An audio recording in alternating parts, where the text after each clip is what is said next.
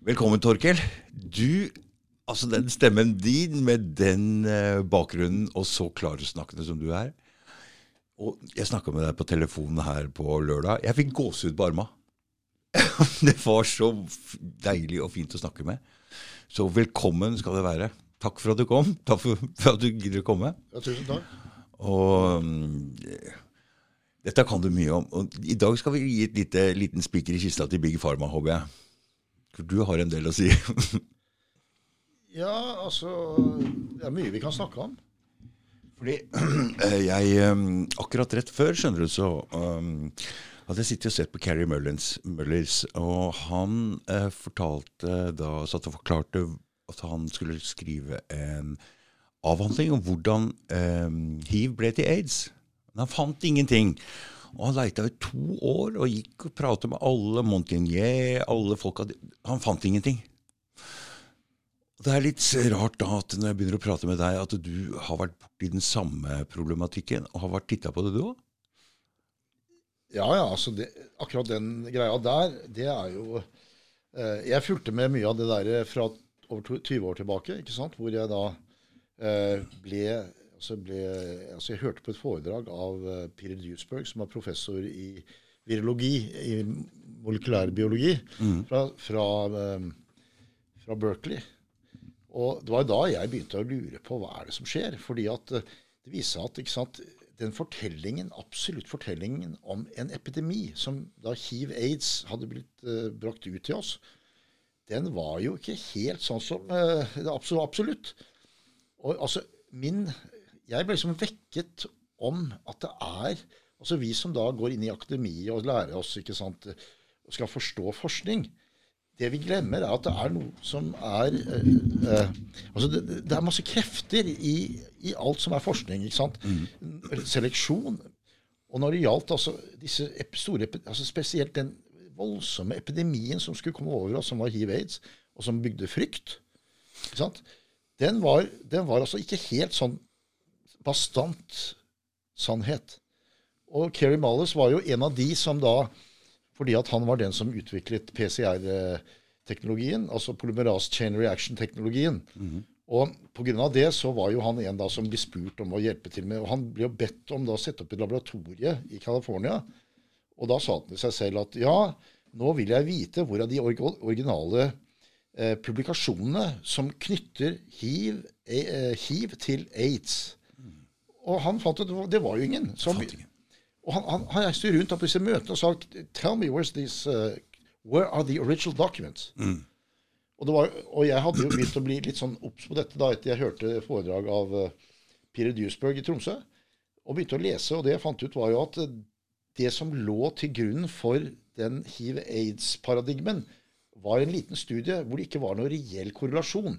Altså, den, den var ikke der egentlig. Så det var jo litt sånn overraskende. Og, og Kerry Mullis var jo den da som da etter hvert kom ut og sa at ja, dette tror jeg ikke mer på. Nei. Og han sa jo at de kan ikke bruke den PCR-testen på den måten dere gjør. Mm. det var jo også da på det var jo på de som da hadde fått hiv-positiv test. For den ble brukt der også, ikke sant? Ja, altså det var, Jo, først var det Nei, for først var det en test som var en antigen-antistoff-test. som Hvor du altså da, Det er et protein som, som man sier, ikke sant, kommer fra Som kommer fra da et, eh, et hiv-virus. Og så skal man reagere på det og vise at man har antistoffer mot det. Så det er, det, det er altså da den testen som den er. Så blir du hiv-positiv eller hiv-negativ. Men altså det var jo sånn at den var jo definert helt forskjellig fra om det var i, i USA eller i Afrika eller altså rundt omkring. Det var jo mange problemer med den. Men PCR-testen, som da Når de begynte å bruke den, det var på 90-tallet. Det var for noe de definerte som viral load. Eh, Så den skulle brukes for å overvåke om nå det ble mer og mer virus i kroppen. Det var sånn det var. Ja. Så det var en overvåkning til at man skulle gi antivirale midler. Så, så du kan si at det var jo, det var jo den historien da med han, eh, som jeg da ble klar over eh, for ganske mange år siden. Og, og hvis det er en kjempestor bløff, så kan vi tenke hvor mange For det første så har de tjent De, de medisinene var dyre, altså. Det husker jeg, for jeg kjente noen som hadde hiv, og de kosta 200 000 per, Og det var voldsomme summer. Så her har de tjent mye penger. Men tenk deg hvor mange liv det har ødelagt med at de har gått og trodd at de har hiv. og altså dette her. Det, var jo en skandale. og Det var jo en dokumentarfilm i England ikke sånn, som kom ut, som, som uh, tok for seg hvordan det hadde altså Med, med da homser, da, ikke sant. I, og det, det, var jo stort sett menn, ikke mm. kvinner. Mm. Sant? Som er offer for det der. Ja. Og nå hører vi jo ikke noe mer om hiv-aids. Ikke nei. Afrika heller. Og, og, og nå, bare, nå, lever vi med det. Ja, og, altså, akkurat når det gjelder den greia altså, Jeg har jo reist så mye rundt. Hele min karriere, karriere har vært å reise rundt i Asia. Og hadde, vi hadde jo også kontor i Katmandu, altså på universitetsklinikken der. Mm. Uh, forskningskontorer. Og vi hadde svære, store prosjekter der. Et regionalprosjekt i tre land, blant annet. Men men ikke sant? Det, så, så, så, observerte vi at plutselig, for å snakke om primærhelsetjeneste, community primary healthcare, som var slogan til WHO den gangen, mm. det narrativet, ikke sant? og det var for så vidt greit, eh, basert på Mao sin eh, barfotleger, ikke sant? Så liksom skulle man så Plutselig så var det nesten borte. Og så var det hiv-aids. Alt. Og i Nepal så spurte jeg da mine kollegaer der eh, på universitetsklinikken Do you see any immune deficiency here, like AIDS? Is there some epidemic? Nothing. Nei. Null. Så da begynte jeg å spørre er dette politikk, eller hva er det? Og, når du begynner å reise rundt, ikke sant, så, så, så tenker du på det. ikke sant, Og, og så snakket jeg med mange andre. Og så ble det nesten en religion, og så man lagd en egen FN-organisasjon, UNAIDS, på bare ett virus. United Nations AIDS. ikke sant? Og jeg snakket jo folk som jobbet der. Det var jo religiøst. altså Du kunne ikke, hvis du jobber for UNAIDS, kunne du ikke si et eneste komme en eneste fundamental spørsmål til paradigmen eller sånt noe. Mm. Ikke tale om. Mm. For det var sånn. Og, og, så, at, så, så, det er jo et, et område som som egentlig er knyttet litt til det som skjer nå. For det kommer fra samme område. Det er Tony mm. Fauci, mm. som var da direktør for National uh, Institute of uh, Allergy Infectious Diseases, NIAID, på NIH. På, altså i uh, den tilsvarende ja, Hva skal vi kalle det? Det er, det, det er, jo ikke Det er jo CDC, som er FHI, da. Altså. Men iallfall, det er en veldig viktig forsknings, svær forskningsorganisasjon som heter National Institute of Health i Amerika. Jeg syns det er veldig relevant å gå denne farmaindustrien litt i sømmene og se de største greiene for å se hva som er på gang her nå. Vi får et litt større bilde av hvem vi har med å gjøre. fordi hvis de er sånn hele veien, og det mistenker jeg dem for å være Vi har jo sett denne, flere dokumentarer nå om hvor hensynsløse de har vært med i opioidkrisen der totalt hensynsløse. Istedenfor å gå så går de bare med lobbyvirksomhet og forandrer lovverket for å slippe unna. De har, de har så mye makt. Og, men du, du, sa noe annet òg. Du snakker om det med ja. Du, du snakka om det med kolesterol og, og, det der med blodfortynnende og sånn også. Det er også en greie de driver med her. Og det er jo også mye penger. Dere vil ha alle menn over 60 til å gå på blodfortynnende?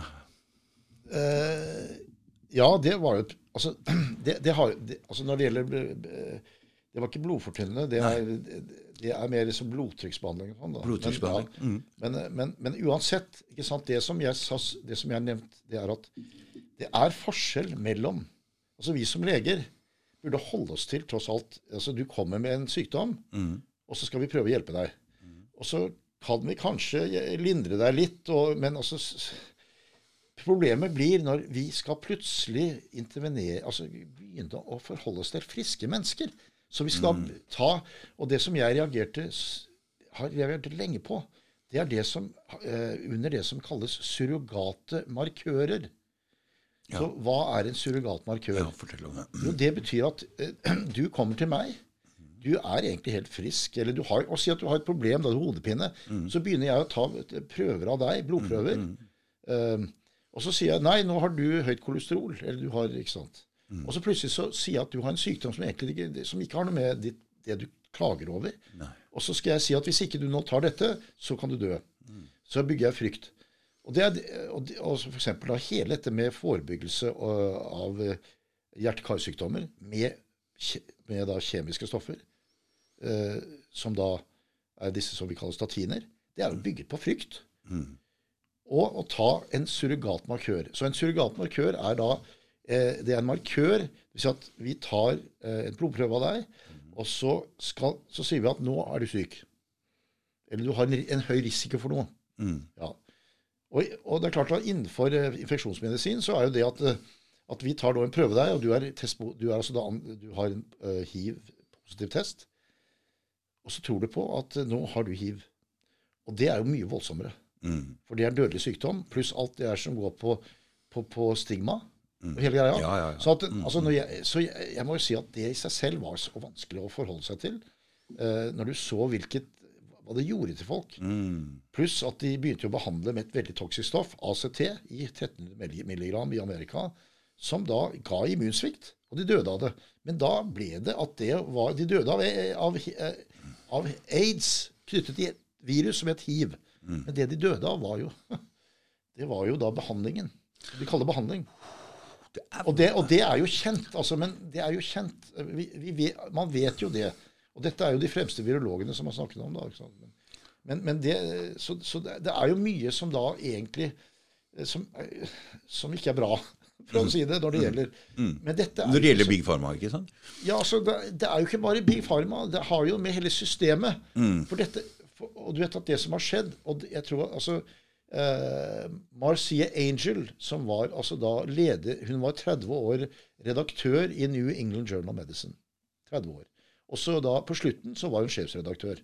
Og hun hadde jo sittet og sett på hva som skjedde i USA pga. at man drev med og deregulerte systemet, slik at hvis du, hvis du eh, At forskere eh, kunne, og klinikere, alle mulige, kunne da, altså, da få lov å være med og eie patenter av det de forsket på. Og dette var noe som ikke var lov før. Men under Reagan altså, eh, så Fordi forskninga foregår jo egentlig eh, via altså, det, det, nesten Nesten all forskning er jo statlig forskning Statlig, som mm. finansieres. Ja. Og derfor så, så, skal, så kan vi ikke Hvis man da blir betalt for å forske som en forsker, Så kan du ikke- doktorgrad og sånt Mm. Men det som skjedde da, det var at plutselig så kunne man da få et insentiv til også forske, altså for at man kunne tjene penger. Mm. Ja. Og pluss at vi begynte å sette opp kliniske forskningsavdeling på alle mulige universitetssykehus. Og det var, hvem er det som finansierer den forskningen? Jo, det er farmaindustrien. Så det hele ble co-opted, altså eid liksom plutselig av farmaindustrien. Og dette har jo skjedd over de, de siste 30-40 årene, egentlig. Og det er jo noe nytt. Fordi at, fordi at iallfall før det, når jeg tok min doktorgrad altså, Vi hadde ikke alle disse surrogate markørene.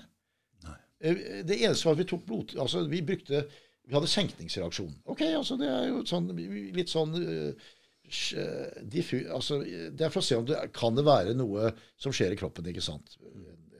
Infeksjon eller et eller annet. Så det var senkning det vi tok. Nå se på alt vi har. Og Jeg sier ikke at alle sånne prøver er Altså det er noe som kan hjelpe oss i å, eh, i, i, i å stille en diagnose.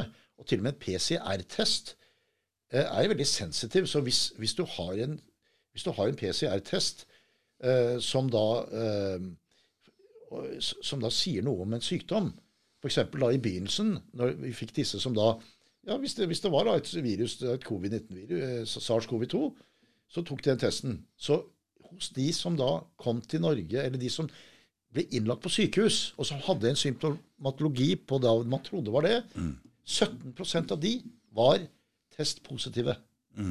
Så, så det var det vi så på dataene fra FHI. ikke sant? De, så, men problemet er når du begynner å bruke disse surrogatmarkørene og PCR-test i den friske befolkningen. Fordi da sa FHI i mai i, i 2020, tror jeg ni, Hvis vi tester den eh, alle generelle befolkningen, så vil ni av ti være falske positive. Ja, altså, de sa jo ikke det. Jo, FHI sa det. Det står på FHI sin side. Jeg, jeg tror ikke akkurat sånn. Det, jeg, det, det, kan, det har ikke jeg sett.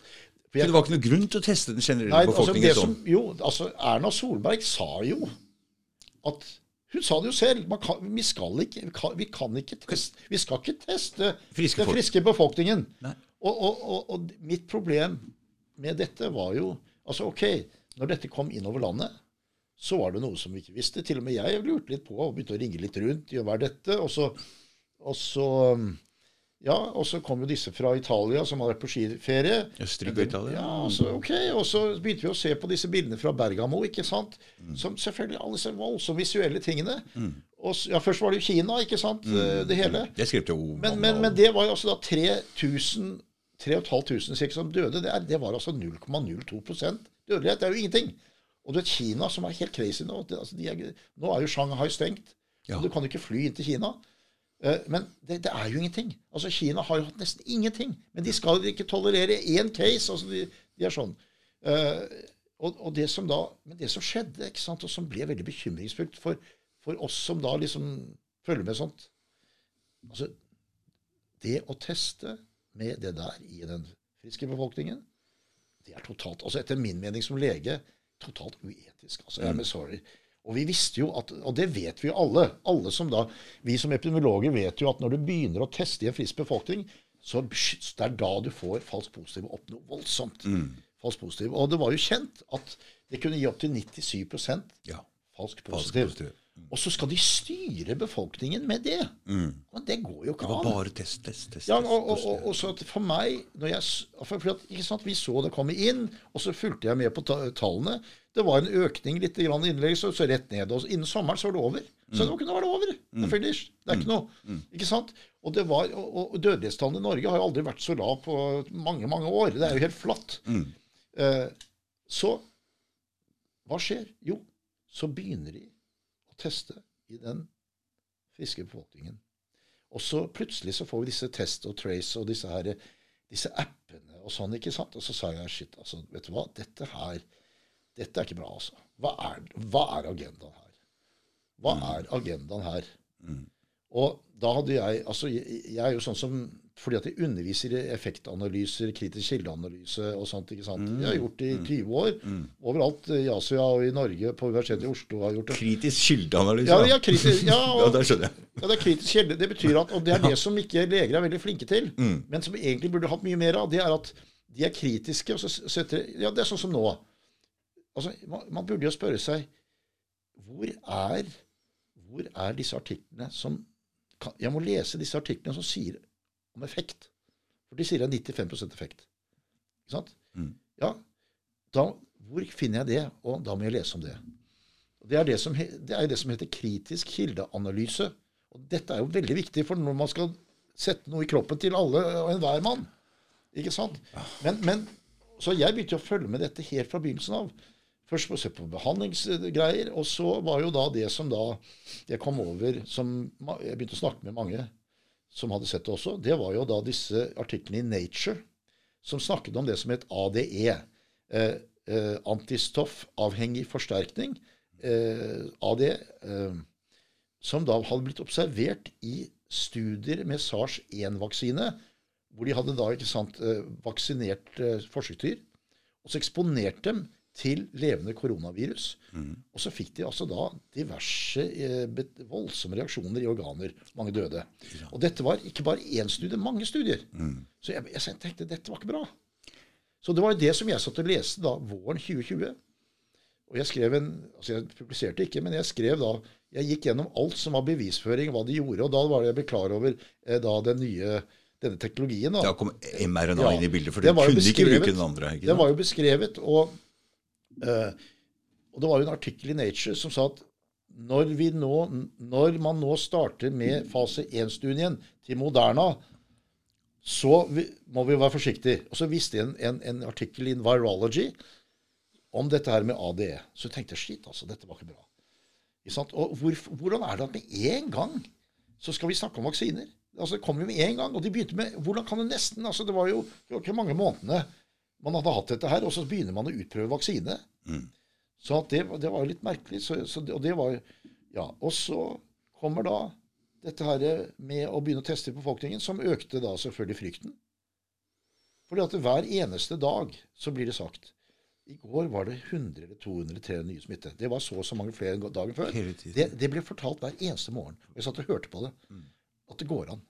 Dette var altså da noe som skulle fortelles hver eneste dag. Og begrepet smitte Smitte var brukt hele tiden av alle, inkludert NRK. Ja, ja, dette var jo ikke smitte. Dette var testpositive. Ja. test. Og det var ikke så mange heller. Det var 200-300 og så at. Og så begynte vi å følge med. altså Jeg satt jo da og fulgte med, for at FHI hadde jo veldig gode eh, illustrasjoner av dette på, på sånne graf, grafer. Mm. Hvor du da så at eh, det lå hele høsten i 2020 så lå antall test positive mellom ca. 3-5% Altså Om sommeren var det nesten ingenting. Så gikk det litt opp. Og det lå flatt. Helt flatt. Det var ikke noen bølge av noe. Men plutselig skal vi få det til at her er en svær sånn bølge av, av smitte. Nei. Og det var jo totalt uh, korrelert med antall prøver. Så dess mer du ja, ja, ja. Og dette kan jo du mm, til og med, du, hvem som helst, forstå. Altså, det er, så, så jeg, dette, Da ble jeg veldig urolig, altså. For at, dette var ikke bra. Og så, ble det, så bygges det frykten. Ikke sant? For det, det, var samme fortelling hver dag. hver dag. Og så hadde disse pressekonferansene. Og hatt, fordi at de Og beklager å si det her, men altså Dette var jo over. Det var jo ikke noe altså, Det var ikke noen tall som kunne si at dette var noe farlig i det hele tatt. Og så kan man si OK. Altså virus, forkjølelsesvirus, er slik at hvis vi lukker den døra her, mm. og så setter vi 100 mennesker her, og mm. halvparten er, har altså da øverlysinfeksjon, om det er en influensavirus, eller om er det beta-koronavirus, som er forkjølelsesvirus, eller om dette kanskje nye viruset som alle tror nå er laget, mm. så lukker du døra der. Mm. Og så er vi da ja, kanskje 30-40 mennesker, og halvparten er skikkelig syke. Og så er vi låst inne her. Det var jo det de låste jo inne folk. Ja. ja. Og så her er vi låst inne med, en, to, med kanskje flere syke. Vet du hva? Da er det farlig. Mm. Fordi at det er doseavhengig. Så, og det var det som man trodde skjedde i pandemien i 1918. Det var at ikke sant, det var i kasernene til soldater som da, tra, som da reiste ble transportert over til, til, til Europa. For da hadde jo krig, de hadde kommet inn i krigen. Mm. Ja, og da lå de oppå hverandre, og de fikk doser. Og det er den eneste gangen i historien at vi har, altså når det gjelder øvre livsveis influensalignende sykdommer, at vi har hatt en gjennomsnittsalder på 28.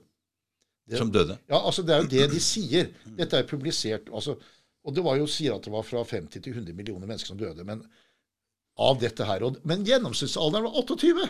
Mm. Ja, ok. I dette tilfellet, hvis vi hadde sittet og sett på dataene her, eh, og vi så at Fy fader, altså, unnskyld. 28 Hvis det var gjennomsnittsalderen var 8, til og med 40 da, ja, da, Dette var ikke bra. Men det vi fant ut, var jo, vi som så på dataene det var jo, Over 80? Det var over 80, men ikke bare det. Det var, det var jo eldre nesten enn en det som er vanlig gjennomsnittsalder. Ja, det var det det var. Mm, mm. Og da, da, var det jo helt opplagt. Ennå så så ikke folk det. Nei, de, nei, fordi at fortellingen i media var jo bare eh, PCR-positive tester som var smitte, smitte, smitte. Og så og, og, så kom jo da disse her Fredrik Solvang-debattene, ikke sant? Mm. Ja, øh, og noen ganger så stilte han en del fornuftige spørsmål. Og han lot jo da noen komme på, på deg. Så det en var jo Charlotte Haug. Og hun, hun, sa veldig klart Hun var jo med to ganger her i fjor, og så var her i forfjor. Så var, ja, men iallfall. Så hun sa veldig klart, klart sa, Dette er ikke smitte. Vi leger opererer med det begrepet at du blir syk, og så blir jeg syk med samme sykdom. Så vi var sammen. Da er det smitte. Mm. Eller hvis så og så mange mennesker kommer inn her, ja, så blir de syke. Ok, da, da, da er det smitte. Du må være syk. Men du vet, det de har gjort nå, det er jo at én er syk, og så skal alle løpe og ta testen. Ja. Og så sier du at ja, det, nå er det alle disse her syke, for de har test positiv. Mm. Kanskje Altså, men, det, men de, er ikke, de, er jo ikke syke. Og hun sa jo det at dette er, dette er jo ikke smitte. Og så kom jo han derre Østvik ja, ja, ja, ja. Svein. Ja, ja, ja. Og jeg kjenner jo han som da godt Han som da Dag. Nei, jeg kjenner han som Han var jo på et lab for å forstå dette her før. Så han kunne forstå, og så kunne si noe. Men mm. det skulle jo vært tross alt en laboratorielege, men det var jo en laboratorielege der. Mm. Og han sier jo det at ja, men det er jo et meningsløs test, sier han mm. sånn. Mm. mm. Ja, ikke sant? For, for den kjøres på sånne sykler på 45. Og, og, da sa jo hun laboratorielege fra Ullevål at det er riktig. Vi kjører den på det. Mm. Og da har jo Tony Fauci sagt at enhver PCR-test som kjøres med en sykkel over 30, er totalt meningsløs. Den kan ikke si noe om smitte. Det er dødt materiale, dødt genmateriale. Mm. Og det er jo det som er poenget. Og, det, og, og, og, jeg som da har drevet med og undervist i Jeg går jo med en gang og sier hvem er det som har skrevet om PCR-testen i forhold til dette som skjer nå? Jo, det var altså en gruppe på Oxford. Og de hadde da eh, gjort en sånn systematisk gjennomgåelse av alt litteratur, Systematic Review. Og, det, og som de sa, det, det, det, er jo meningsløst å bruke det i en frisk befolkning.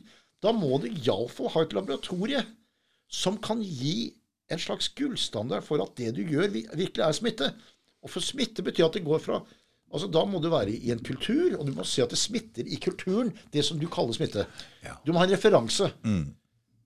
Og, men altså uansett, å bruke dette her i en, en, en, frisk befolkning For det er en gullstandard. Det er sånn at du har en sykdom, og så må du ta den ut, og så må du injisere det i noen andre, og så må du se at den blir syk. ikke sant? ja, altså det er jo sånn, noe som heter Cox postulat. Ikke sant? Som da er jo en, en, postulat for mange år tilbake som da har noe med Det er så og så mange kriterier at du mm. kan si at dette, dette, agens er et smittsom agens. Mm.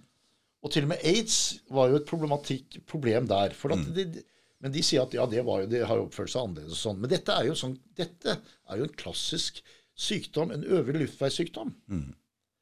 Sånn, sånn, at det de begynte å gjøre nå, det er noe man aldri har gjort i historien før. Å begynne å masseteste med PCR-teknologi. Mm. For meg så var det altså Det var jo helt Jeg, jeg, jeg, jeg sa at dette går ikke an. Altså, da, da, skjønte jeg at dette var noe som ikke stemte. altså. Og, og, til tross for at sånne som Charlotte Haug, som tross alt har, har tatt doktorgraden i infeksjonsmedisin på Rikshospitalet eller på Universitetet i Oslo, og var sjefsredaktør i 15 år. Ikke sant? En av de ja, altså, tyngste stemmene i Norge. Som sier rett ut. Men dette oppfattes ikke av befolkningen, for at massemedia tar det ikke. Og jeg mener, unnskyld, altså, hvor dette massemedia vi har nå altså, jeg greier, altså, Ja, det er jo helt borte vekk. De gjør ikke jobben sin i det hele tatt. Ikke i det hele tatt. Nei, og det er, Dette er jo veldig trist for vi som altså, altså Har du blitt utdannet som lege, da? Og så skal du prøve altså Jeg mener, altså jeg har jo nevnt dette her med den eden vi har. Ikke sant. Hippokratisk ed. Mm. Og vi, vi, står der etter Vi har tatt vår embetseksamen, mm. og, si, og så siterer den eden. Få høre hva den eden er. Altså, ed, jeg husker jo ikke hele eden nå, men, men det er det er, det er det viktigste i den eden at vi skal ikke skade. Og du kan si OK, hvis du har en sykdom, altså har du kreft og du kommer til å dø, så er du også villig til å ta en risiko. Mm. For at Det kan være, altså det er jo derfor at folk er villige til å ta all disse kjemoterapi, som er helvete, og så dør de. Mm. Men hvis du er frisk, og det er noen som kommer og sier at 'jeg må gi deg dette fordi at sånn og sånn', Altså, og, der, og, der, for meg som lege, der går grensen. Altså. altså. og det er det som er veldig trist. Det er at over de årene som jeg har vært lege, så ser jeg at farmaindustrien har mer og mer gått inne i den sfæren av også begynne å gi ting til helt friske mennesker med fryktpropaganda. Og det, det, og det, det har kulminert i dette som er nå. altså. Det, det, det, det, er, og det er veldig trist. Altså det, er, Når vi så at dette ikke stemte, så er det ikke rart at noen begynner å tenke hva i all verden er det her for noe? Hva er det de vil? Men nå ser vi det at vi, de vil innføre et koronapass og sånn. Men hva er egentlig vaksinen? Noen sier at den er kjempefarlig. Noen tror at det er altså hva som helst. Hva tror du? Nei, altså det, vi, vi, ser, jo no, vi, ser, jo vi ser jo noe. Nei, det, det, altså det blir jo Hva kan vi si? Vi, altså ikke sant, Ut ifra deres, deres, offisielle fortelling mm. så er dette altså en ny vaksineteknologi ja.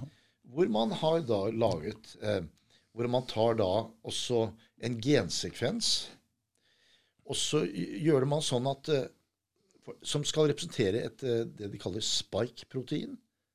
Mm. Ikke sant? Og så skal man da få kroppen til å kode for dette spike-proteinet, som skal da gjenkjennes av ditt eget immunsystem. Mm. Eh, og så skal da, Som gjør at når du blir utsatt for dette viruset, at det responderer fortere. Mm. Slik at du reduserer risikoen for å bli syk, ja. alvorlig syk. Mm. Pro problemet er jo for det første at vi vet at uh, når det gjelder øvre, øvre nedre luftveisinfeksjoner, Så, ha, så dette er jo ikke noe som kommer som, som du tar som blir levert til de luftveiene, i slimhinnene i luftveiene. Dette går jo inn i blodet, men de, sa, de sier egentlig ja, vi skal sette dette i muskulaturen, og så skal det i den store, den deltoidmuskelen der, skal det produseres nå uh, i de cellene uh, spike-protein, fordi at mRNA, som da er i disse Altså i denne nanopartikkelen, mm. som, da, som går inn i cellene, for at det må være en sånn partikkel med sånn fettstoff sånn at det kommer inn i cellen, og så skal det kode for spike-protein. For det første så er jo det noe som aldri har vært brukt som vaksine noen gang. Det har blitt brukt i noe kreft... Det, det har blitt brukt eksperimentelt for eh, terminale kreftpasienter. Altså- og dette kan ikke jeg nok om, så jeg kan ikke snakke så mye om det. Eh, jeg har lest litt om immunterapi og sånn. Det er veldig eksperimentelt. immunterapi. Ja, men det er jo folk, det, dette er jo syke mennesker som har kreft. ja, ja. Og så plutselig skal de bruke dette På alle. på alle. Og, og, og, og, så, var det det at de, må, de, for, at de for at de skulle kunne bruke det, så måtte de ha nødbruksautorisasjon. Da kommer den biten der. Og, og, og for at de skulle få nødbruksautorisasjon, så, så måtte ikke det være en andre behandlinger. Ikke i det hele tatt. ikke sant? Nei, altså Det måtte ikke være noe som kurerte dette her. Eller, og, det var, og derfor så ville jo ikke, de ville jo ikke at man begynte å behandle tidlig. Nei. Og her gikk Trump ut gitt, og sa at han hadde hatt det, og anbefalte hydroklorokin. Hydroksyklorokin. Og, men det ble latterliggjort så til de Ja, og det, er, så det som er interessant om det, det var at ikke sant at det var jo, Hydroksyklorokin er jo noe som hadde vist seg å være effektiv mot SARS-1, og jeg tror flere av de andre, MERS og til og med ebola, jeg er ikke sikker. Og dette satt engelskmennene og drakk og hele tiden. Ikke? Med, I gin og tonic. Ja, altså kinin, ja. Ki- kinin, ja, ja. som er noe lignende. men det var dette er jo noe som har vært der i jeg husker ikke, 40 år. Eller hva, altså, Mm. er brukt, vi, det er sånn som man tok når man reiste i Afrika, ja. for, som en som profylakse Mm. mot uh, malaria. Sant? Og, det, og saken er at det var jo veldig Det var ikke noe farlig Nei. når det var brukt i mindre doser. Uh, og stort sett var det greit. Det eneste du kunne gi hvis du brukte over lang, lengre tid, var altså da et, eh, en hevelse i sentrale uh, deler av netthinnen, som man har sett da. Eh, men, men, men, men ikke sant, her så, så ble det gjort studier da, som, eh, med høye doser av dette, veldig store doser, og som gjorde, på sykehus, som gjorde at de ble syke. Til og med i Norge. Ja, det var så også i Norge. Hele Det Europa. het solidaritet solidarity study. study. Og, og, og, jeg, og dette er jo beskrevet, og dette er vanskelig å forholde seg til. altså, fordi at dette var jo gjort, eh, var det gjort bevisst. altså fordi, Men saken er at det, det ble jo, altså det var jo amerikanske leger som begynte, og også Kina og mange andre land, som med en gang brukte. Og de brukte også høydose C-vitamin. Noe, Masse sånne ting som da Men i Norge, nei. Det eneste var Remdesivir. Og Remdesivir var helt nypatentert, som de hadde brukt på ebola, tror jeg. eller- de, som de ikke greide å vise effekt. De måtte øke da øh, De måtte inkludere flere og flere i studiene. Og så må de si at nei, vi skal ikke ha dødsfall nå som endepunkt. Vi skal ha hvor mange dager de er innlagt på sykehus. For de greide ikke å finne noen noe sånne viktige endepunkter. Og så viser det seg at det har gitt veldig mye nyresvikt og forskjellig. Remdesivir. ja. remdesivir. remdesivir. Altså det har? Og, og alt dette her er blitt kjent fordi at klinikere, og spesielt i USA? Som da jobbet intenst med disse pasientene Og det, det er jo slik at fordi vi ser at det er altså Når man ser på de studiene som er gjort om hvor farlig er det i forhold til Hvis du har så og så mange som da virker som har smittet, de har antistoffer. Og, så, og så ser du dem i Ja, mange dør av de. Så har jo det vært som en sesonginfluensa. Men det er klart at i områder eh, Dette var et nytt virus, så du hadde jo ikke det altså, I områder sånn som i Brooklyn og rundt omkring Bergamo og alle disse stedene, ja, så, så var det en, så var dødeligheten litt høyere. Men altså, hvis du ser store det hele og Du så jo i New York så hadde de satt et skip da, ikke sant? Dette, det. det, og, men det var jo ingen som ble innlagt der. Nei, det, sånn at de aller fleste stedene så, så ble det sånn. Det kom ingenting. Mm. Og det var alle disse ventilatorene som ble, sto der, og de ble ikke brukt. De rasa jo rundt og tok bilder av alle sykehusene var tomme. Ja, Det var et sånt altså, sånn at, sant? Og, og, og, og dermed så Det ble skadd. Ok, det var et nytt virus. Et beta-koronavirus. Men det, det er tre sånne virus ute der hele tiden. som er forkjølelsesvirus. ikke sant? Og det er klart at hvis f.eks. nå det var den omikron, hvis det var et sånt eh, beta-koronavirus som, som ligger og plutselig nå ga sykdom, og hvem vet? For nå har jo alle fått dette de kaller vaksine. Og det, har de fått dette her fordi de har et, et immunsystem som nå har blitt kompromittert? Det vet vi jo ikke. Hvorfor plutselig er det så mange som har blitt syke nå? Ja, For det er flere nå som er syke og dør ja, noen enn noen gang. Da. Ja. Er det ikke? Nå er det ikke noe fokus på det. Ja, det, altså, det er jo vanskelig å plukke det opp i altså I Norge så sier de Det, det sto i alle aviser her i juletider at nå var det økt, økt dødelighet. Mm. Ja. Og, men det vi ser, er jo, og som er bekymringsfullt, det er jo altså data fra den europeiske dødelighetsovervåkningssystem fra Seruminstituttet i København. Mm. Hvor de har altså da 25 land som rapporterer, det har gjort, de har gjort i ti år. De rapporterer da eh, dødelighetstallene fra disse 25 landene i Europa hver eneste uke. Mm. Er det Euromomo eller noe? Ja, det heter Euromomo. Også, ja. De har også en i Norge. Men dette heter Euromomo. Og, og, du kan gå inn på den websiden. Og de har presentert det veldig flott over fire-fem år, fra 2017. Mm. Du kan sammenligne hele veien. Mm. Men så har de også da figurer som viser hvordan dødeligheten øker over, over året, som, og, hvor du er fra 17 til 2021. Mm. Og det er ikke så hyggelig å se på, for der er det en faktor på 2,3 økning av dødelighet fra 2020 til 2021 i den yngre aldersgruppen som har fått vaksinering fra 15 til 44. Og det er altså 2,3 faktor. Og det er, det er, mye, altså. Mm. Så du kan si at i den, i den, aldersgruppen der, i 25 land i Europa totalt, så ligger kanskje dødeligheten på 1000.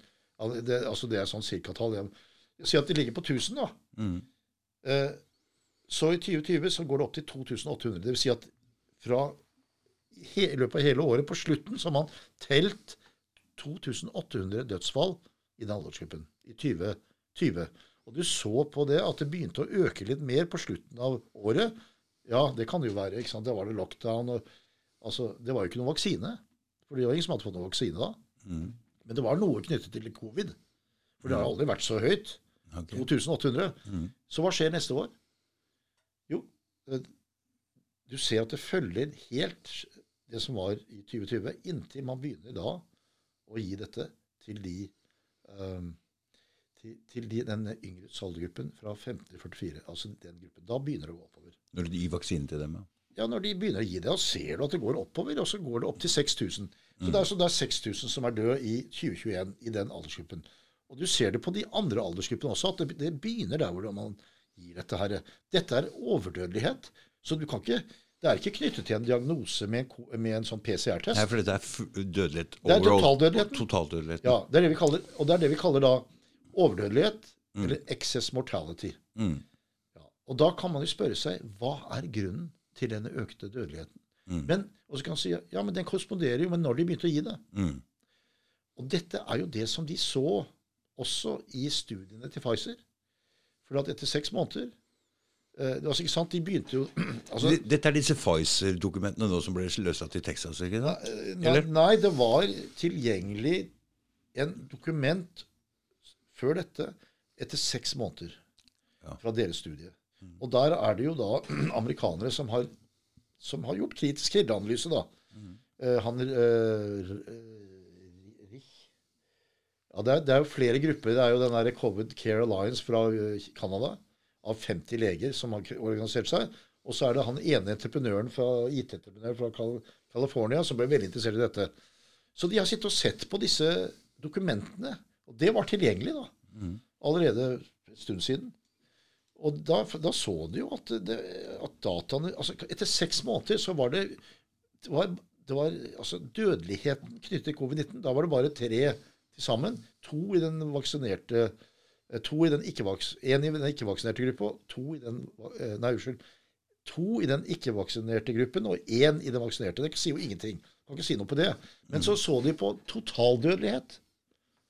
Der fant de jo at det var mange flere i den vaksinerte gruppen enn den eh, ikke-vaksinerte gruppen. Men så hadde de gjemt noen tall. Altså, så de måtte virkelig se etter det. Og du kan si at ok, dette, disse studiene har jo blitt ødelagt allerede fordi at alle skulle få tilbud om vaksiner etter bare to uker etter andre dose. Så, det, så det ble ikke noen reell studie som har fulgt en protokoll. Sånn at eh, Man må jo da se på eh, hele datasettet, og dette har jeg ikke, jeg har ikke sett nøye på det. Men allikevel så ble det presentert at det var en større dødelighet i det datasettet. datasettet. Ja. Og denne, det som er, er at eh, går, denne vaksinen skulle redde oss alle. Det skulle stoppe smitte, det skulle stoppe alt mulig, men det, har jo ikke, det virker jo ikke. Ja, men altså, du vet at eh, For det første, når, når du ser på altså, Vi har jo dette fantastiske systemet for å overvåke dødelighet. Og når du ser på det, så ser du at altså det, I, i- i mars-april, når dette kom inn, så i de 25 landene så var det sånn, nesten sånn spikling som vi rett opp i løpet av fire-fem uker. Og så var det rett ned. Så om sommeren var det ferdig. Og det, var sånn, det så ut som en sånn spike, ikke som en sånn bølge av infeksjon. Og man kan spørre seg hva var det? Ja, var det det at de hadde, var for raske til å legge dem i respirator? Man har jo sagt det på etterkant. At de visste ikke hva det var, og så var de redde for smitte. Så at de måtte legge med i lukket system. Det var, ikke sant? Og vi hørte jo om da Det var jo en uh, ung intensivlege i Brooklyn som uh, plutselig da lager en liten YouTube i 2020 hvor han Altså, jeg satt og så på det. Hvor han sier altså at uh, Sorry, but jeg kan ikke jeg kan ikke jobbe i denne uh, in this intensive care unit anymore. Fordi at vi tar, han sa vi tar livet av pasientene.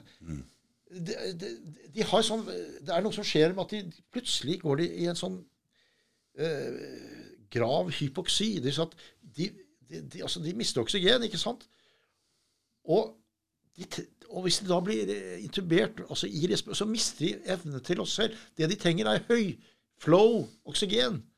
Så han sa jeg, det, det, det, det, dette vi gjør nå, er feil. Vi tar livet av dem. De skulle ha fått masse oksygen, sånn som du gjør altså hvis, du altså hvis du går opp til Everest. Ikke sant? Ja. Det var sånn at da, mist, da, da må du ha til slutt oksygen. Det er noen som ikke trenger det. Og da får du oksygen på en maske. Men her Du kan ikke intubere dem. Da, blir du, da dør du, da. ikke sant? Hva er det intubere-greiene? Intubering betyr at altså, du legger en, en, en slange ned altså, Når du ligger på respirator, så, så har du en slange nedi lungene.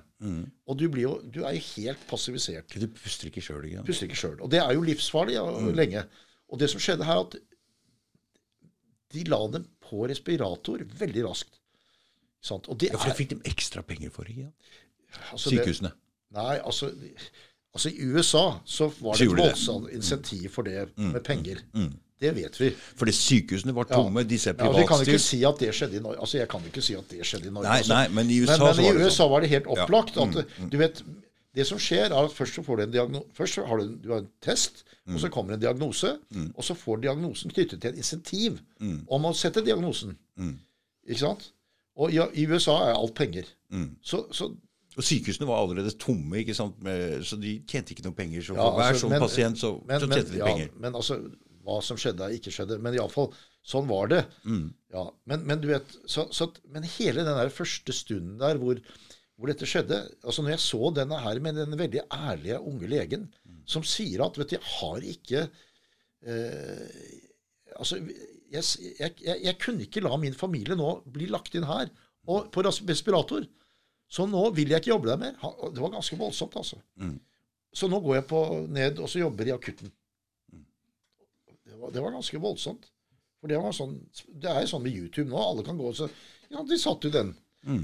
Og, og det var litt sånn, eh, tror jeg også Jeg har også hørt fra Norge at de var veldig, veldig obs på å ikke smitte eh, de som jobbet. Og nå går de ut i sånne suits som du ser. Det er jo helt, det er jo helt sykt, egentlig. For at, altså det, men selvfølgelig, ok, du er under en viss eh, risiko, men altså, jeg tror nesten ingenting. Altså, du må oppholde deg du, Det er nok å lufte eller ha altså, litt ordentlig lufting.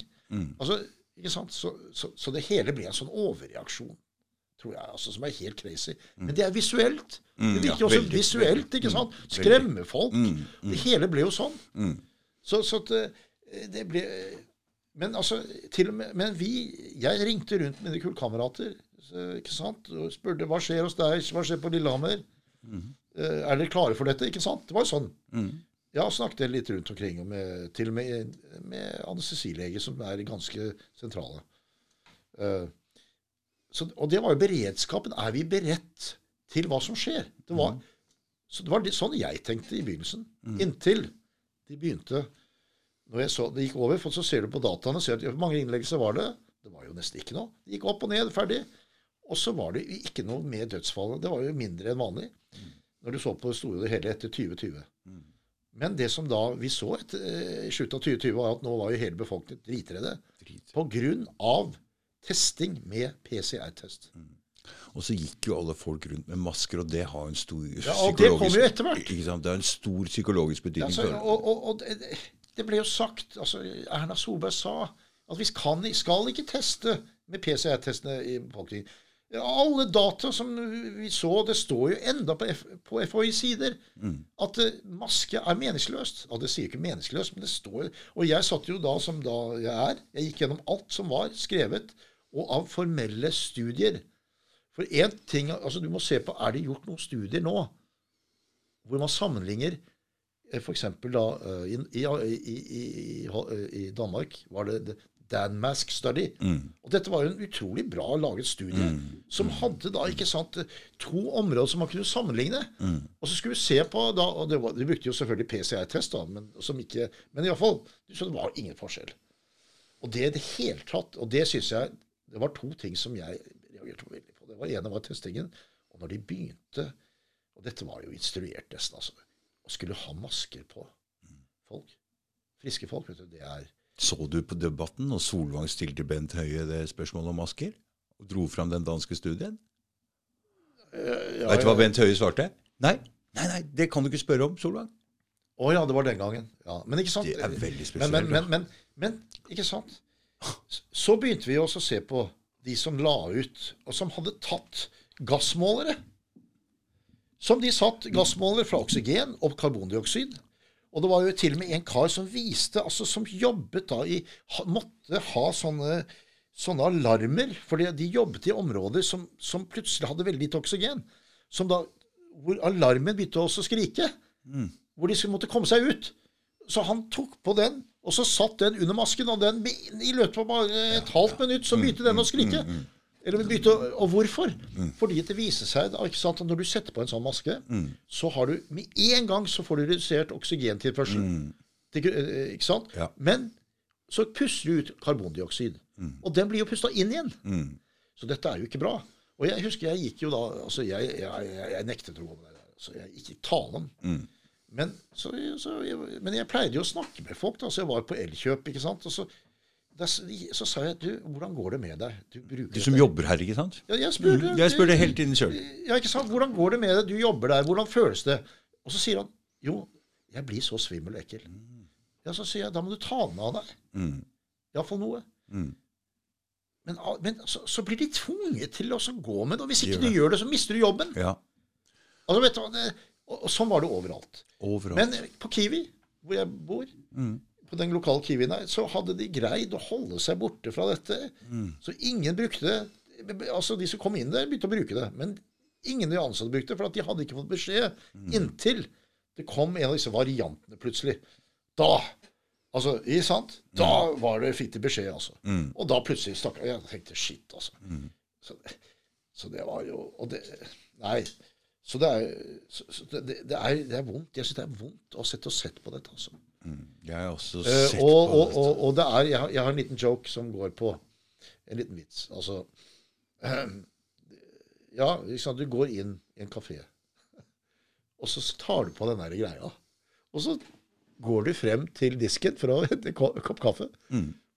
Og så går du og setter deg, og så tar du av dette ja. her. Ja. Ja. Men og det, ene, og det spiller jo ingen rolle for noen ting. Ikke sant? Det er jo ikke, du kan jo skjønne at det er latterlig. Så hvorfor ikke heller gjøre det sånn at eh, jeg syns han eh, Olaf Thon sin strikkelue er så fin. Ja. Den er veldig fin. Så syns jeg vi kunne strikke, ha strikkeluer til alle nordmenn, og så kunne de ta på seg en liten strikkelue.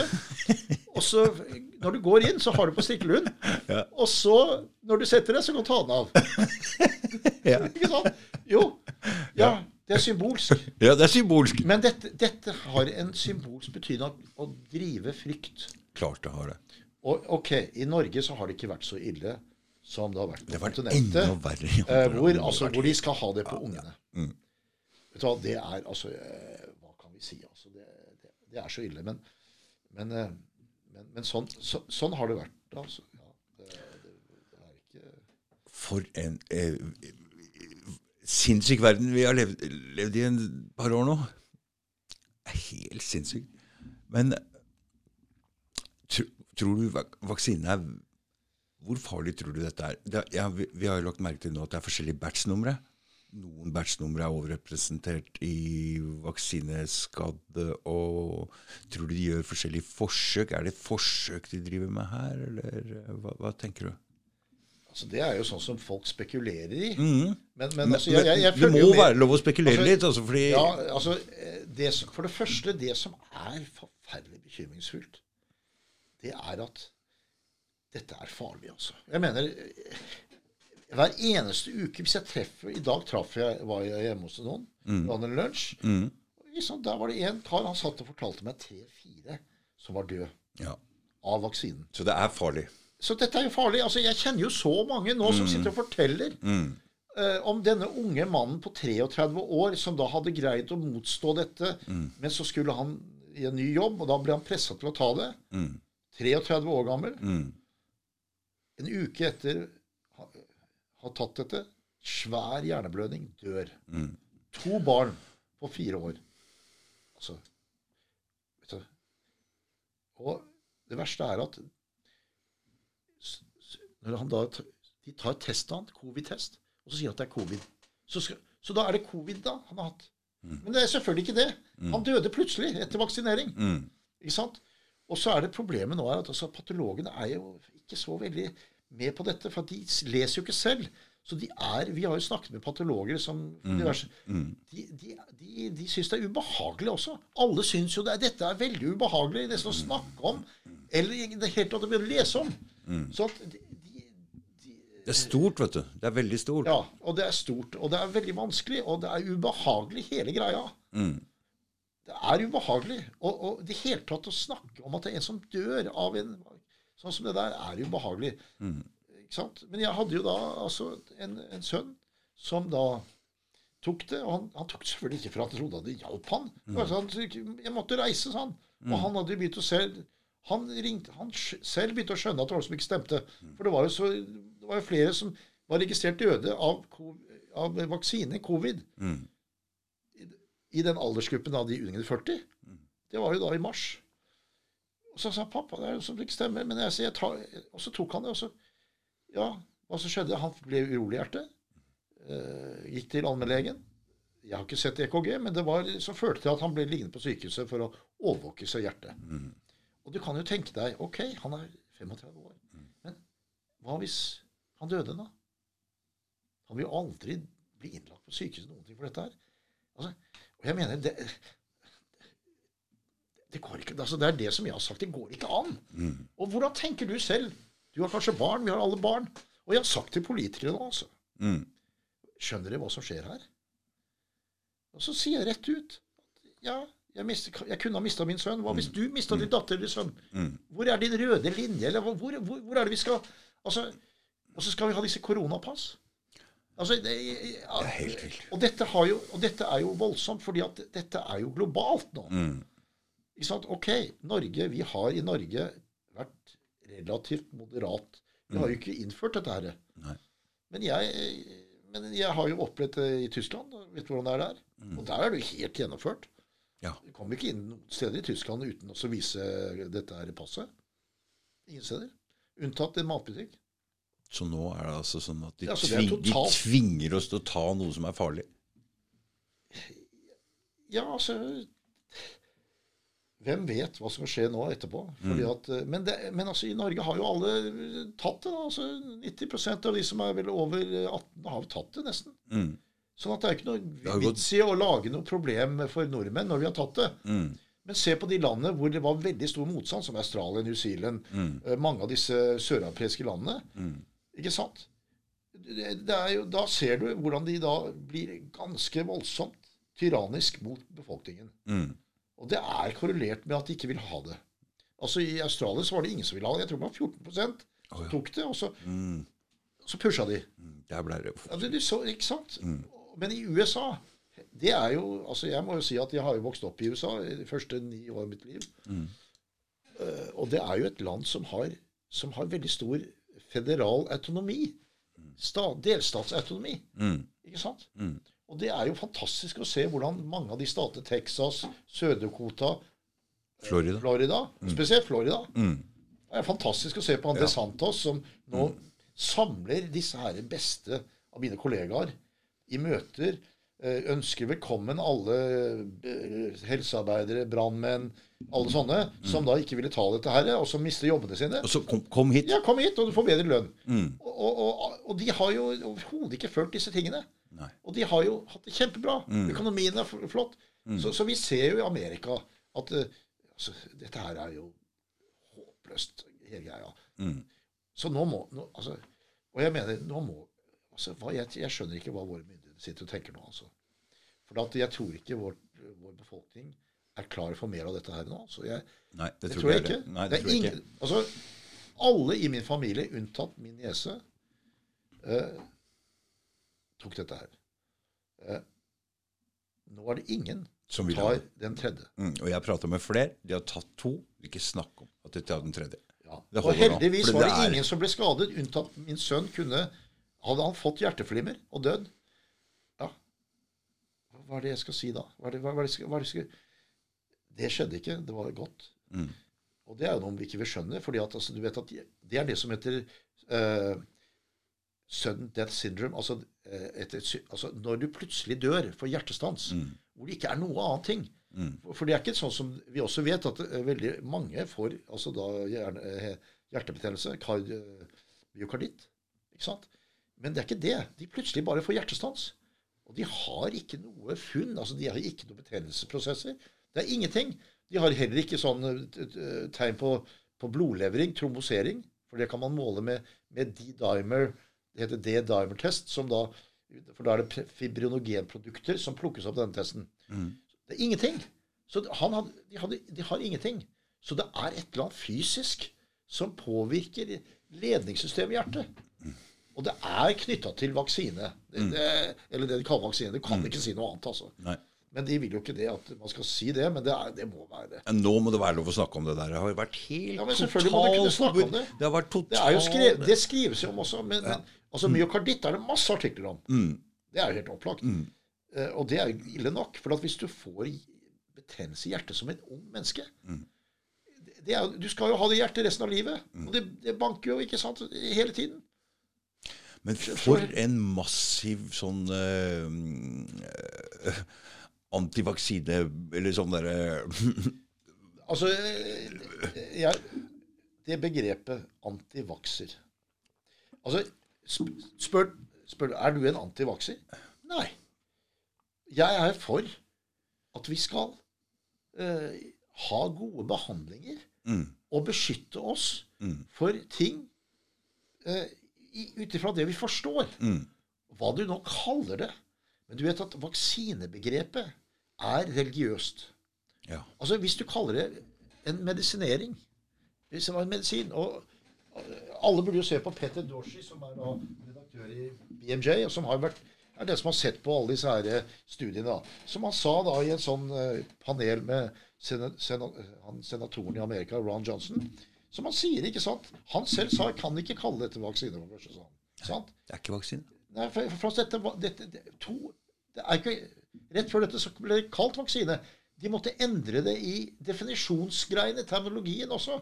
Ikke sant? Så, så, øh, og, og, så han sa jo det. Og alle disse herre som da de er, de er jo redaktører i våre tidsskrifter. Og spesielt BMJ har jo vært veldig klar at, om dette her.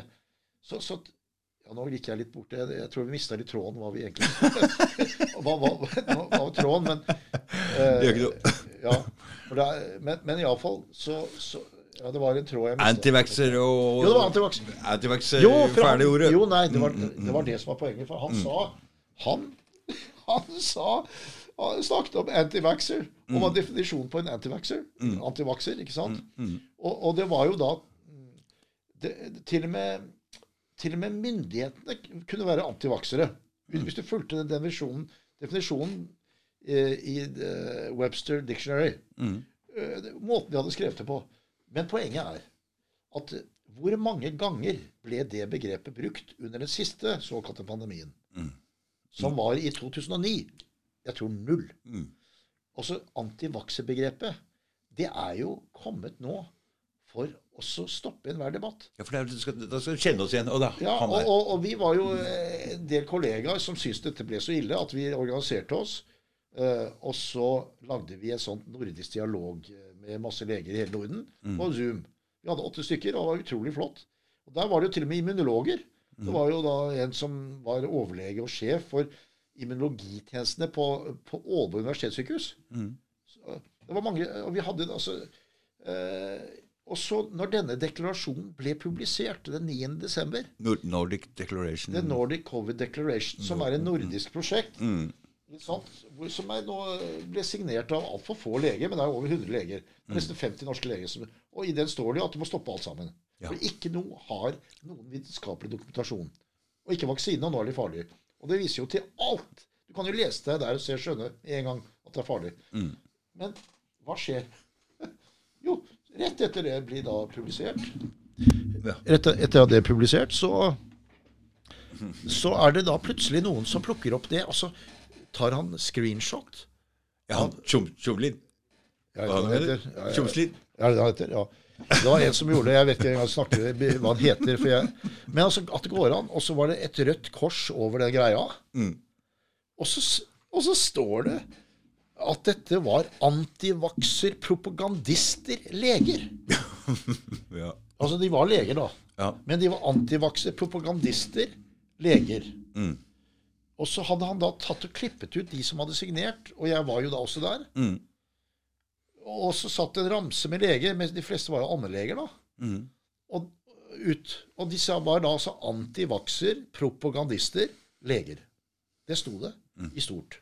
Og så tenkte jeg skit. Ja ja, da er en professor, dr. Med fra, fra nevrologisk avdeling i Universitetet i Bergen, sykehuset der, antivakser, propagandist, lege.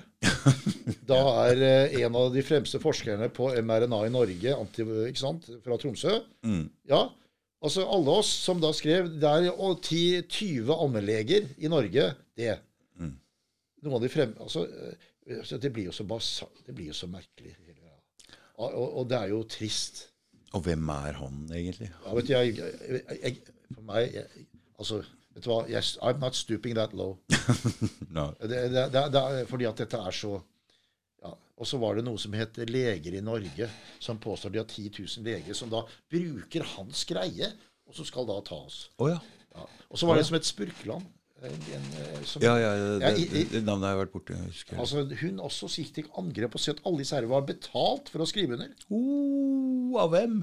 Ja. Og, det, og dette var jo da en, en, en eh, nevroradiolog som, fra Ullevål som hadde skrevet under. Og noen ville jo sette sitt navn på forsiden da, også. For at de var jo så forferdet. Og han, han sa det. Og han sa at ja, hun Spurkeland hun, hun, hun, sa at, eh, hun påstår at jeg Han nevnte mitt navn, og at jeg hadde blitt betalt for å sette mitt navn der. Mm. Hva, hvorfor sier man noe sånt? Sant? I denne bevegelsen er det ikke mye penger. Penga ligger på andre sida, det er helt sikkert. Det, det, det var ingen penger, tror jeg, som Det var ingen som fikk noe penger. Dette var gjort eh, for at de mente at det var viktig å gjøre det. Altså, Klart. jeg kan bare få lov å ta litt eh, Ta litt vann, Torgeir.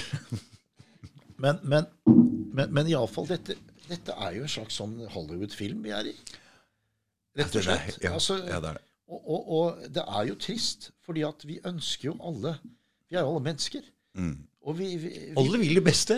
alle, ja, vi, vi tror jo det. Og tross alt Dette splittelse av befolkningen. ikke sant? Noen, uh, at, at vi skal snakke med våre kollegaer. De blir så sinna at vi ikke snakker med dem mer for at du så vidt nevner noe. Eller en politiker som må løpe bort for at Å, er dere sånne?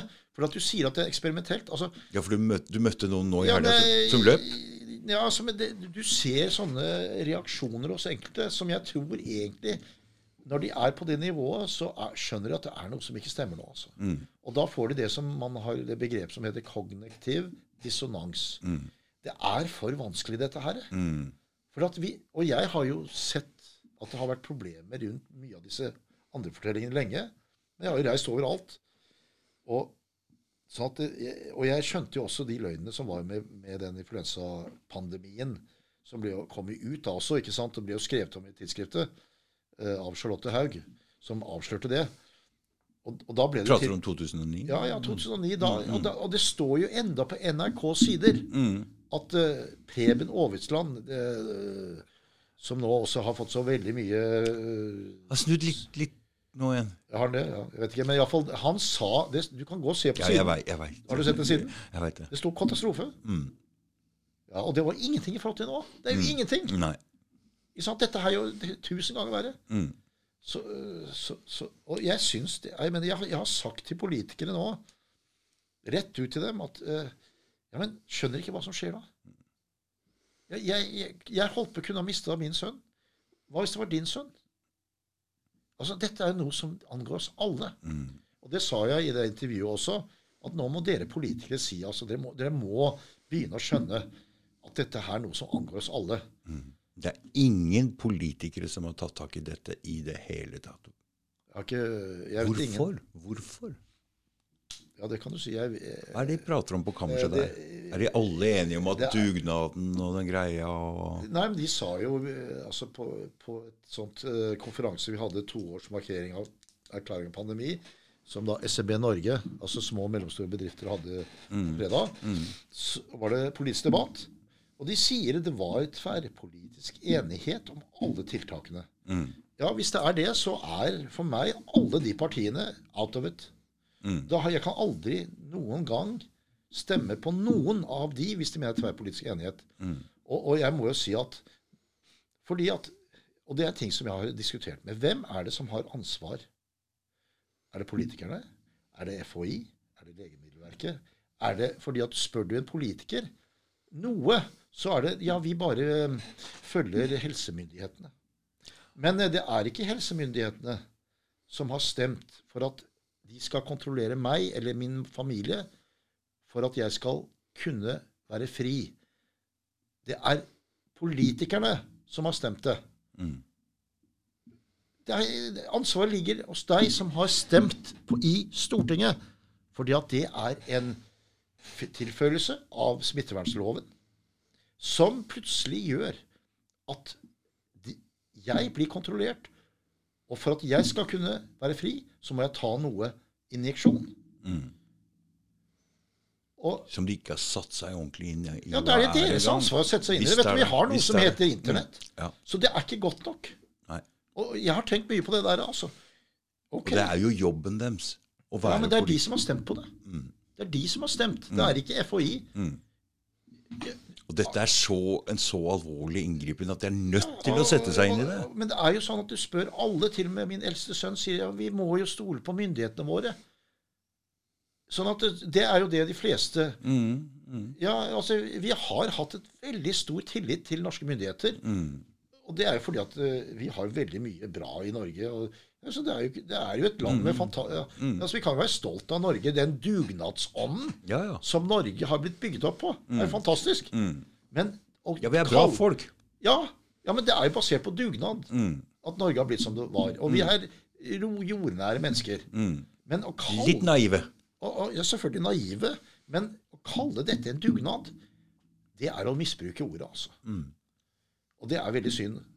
Og jeg syns at det, det, det som er tristest nå, det er den ødeleggelsen av det limet mellom mennesker. Det er jo ikke bare i Norge. Nei, er overalt. Det er overalt. Familier, venner Ja, altså jeg hørte Vil ikke snakke med meg Hvis du har vært Hvis du prøver å være litt kritisk Altså Det er blitt noe helt farlig i samfunnet. altså. Jeg, syns, altså, jeg har ikke merket så mye i min Ikke jeg heller. Men, Eh. men, men jeg skal si en ting. For hver eneste person som tør, og sånne spesielt sånn som deg, som har litt faglig tyngde Tusen takk, for det blir mye lettere for flere. Og nå kommer det flere og flere ut og snakker om dette her. Jeg syns det er kjempefint. Og kanskje vi kan få Kanskje vi kan forandre noe. Kanskje vi ikke skjer igjen. Kanskje vi kan få stoppa koronapasset. Kanskje vi kan få stoppa noe av det som skjer nå. altså vi, Hvem vet? altså nå har De jo forle, de har jo da forlenget eh, denne her paragraf 4a. Og Vi må huske på det at det er første gang i Norges historie, tror jeg, utenom kanskje altså jeg, jeg, har, denne nye smittevernloven kom i 94. Og det, det har aldri stått noe om én et virus. Altså, hvor det nevnes et virus. Eh, Kanskje jeg tar feil, jeg tror ikke det. Og pluss at det er en ting som jeg reagerte veldig på lenge før dette, det var jo at i smittevernloven, paragraf 3-8, så er det jo lagt opp til at man kan tvangsvaksinere. Og det er jo allerede fra 94. Mm. Så det står jo der. Og det har vært litt eh, misforståelser nå. Og de må sagt om tvangsvaksinering. Så nei, det har stått der hele tiden. Paragraf 3-8. Mm. Uh, og det er jo, det er jo fælt nok, altså. For det fins jo ingen slags dokumentasjon noen gang om at massevaksinering på noen måte beskytter oss. Det er jo bare til, at det å drive med tvangsvaksinering det hele tatt burde aldri vært lov å ha en lov. Aldri, man skulle aldri kunnet få lov å sette tvangsvaksinering i en norsk lov, altså. Det er det. Nei, jeg har jo hatt inn Trond Skaftnesmo, og etter det så har jeg ikke mye tro på vaksiner, for å si det sånn. Han river i filler den vaksineindustrien, så det bare ops. Altså. Ja, altså Det er et altså Det har vi ikke tid til å gå inn i hele den der, der, der men, men, men det er klart at det jeg har merket nå, er jo at veldig mange som begynner å skjønne ting, de begynner å spørre seg mye spørsmål om hele det. Mm. Og det tror jeg er bra. Og det er jo sånn som jeg selv, som da i 2009, ikke sant, hvor dette kom innover. Og da, Jeg har jo bodd veldig mye i utlandet, men akkurat det året bodde jeg i Oslo, og min sønn nummer tre var 11. Ikke sant? Og da ble det voldsom hysteri i Norge. Og i Europa ikke så mye i Amerika. Og i Kina var det ingenting. Det var ikke, men da skulle vi så ha massevaksinering. Og du, du vet, men det var ikke på den måten som nå. Men man skulle begynne med skolen. Ja. Sko, eh, skolevaksinering. Barna. Og da hadde jeg en sønn som gikk på Ruseløkka skole. Og da tenkte jeg ok, dette er noe som ikke stemmer. Så nå skal jeg sette meg ned og lese og se, finne ut er det skrevet noe systematisk gjennomgåelse av effektanalyser av influensavaksiner. Og det var det. Og det var tre stykker for barn, voksne og gamle. Så det, og jeg var vant til å gjøre det, for at jeg har vært førsteforfatter og ledet sånne grupper for det som heter Cochrane-samarbeidet innenfor mitt, øh, mitt område, som er internasjonal øyehelse. Ja, det er det jeg jobber med. Så jeg var jo veldig så jeg, jeg, var jo vant til å lese sånt. Så jeg fant de tre og leste dem. Og jeg så shit, altså det var jo ikke noe klinisk effekt, betydelig effekt, akkurat som nå. Fra noen studier som var sett på over ti år. Og så tenkte jeg, altså nå skal de vaksinere barna våre, som ikke vi vet, så jeg sa nei. Men du, du kunne jo skrive at Du måtte jo skrive under og tillate at barna skulle vaksineres. Men nesten alle ble det, og da fikk vi jo alle disse med narkolepsi. ja. Og det fornekter altså vaksineindustrien eh, totalt at har noen sammenheng. Nei, det tror jeg altså De har ikke kunnet gjøre det. Nei. Eh, og det kom jo ut, det var jo til og med de, de måtte jo innrømme at det var vaksinen som gjorde det. Men dette har jo blitt glemt av befolkningen, og det kom ikke ordentlig ut. Ikke sant? Og det var jo ingenting. Men før det så var det bare én gang man har gjort massevaksinering for de- disse typer sykdommer, altså influensalignende sykdommer. Og det var det samme. Det var svineinfluensa. I 1976 så plutselig sier at det var en, en sånn svær farlig epidemi i Amerika. Og de satte i gang da massevaksinering. Eh, Det viste seg at det var ikke farlig, akkurat som det var i 2009. Det var ikke noen pandemi. Det var, eller da var det bare i Amerika. Men innen Altså, de, de stoppet faktisk vaksineprosjektet når 25 var døde. Ja. Og det var altså da 45 millioner som hadde fått en dose. Og det var 25 som var døde, men det var en 8,8 gangers økning i denne farlige bivirkningen som gir lammelser, som heter Guillain-Barré-syndrom. Men, men det er klart at det var ikke den teknologien som var nå. Så det, så det, men du kan tenke deg 25. Ja, men hvor mange er det i Norge nå, da? Det, det er mange som er, som er døde. Ja, altså, Nå har jeg ikke sett de siste tallene, for vi vet jo ikke var det, to- Er det 200? 200? Eh, men vi vet jo ikke, fordi at, altså, og det er det, her ligger problemet. fordi at jeg, tror, jeg husker ikke nøyaktig når det var. Var det i september?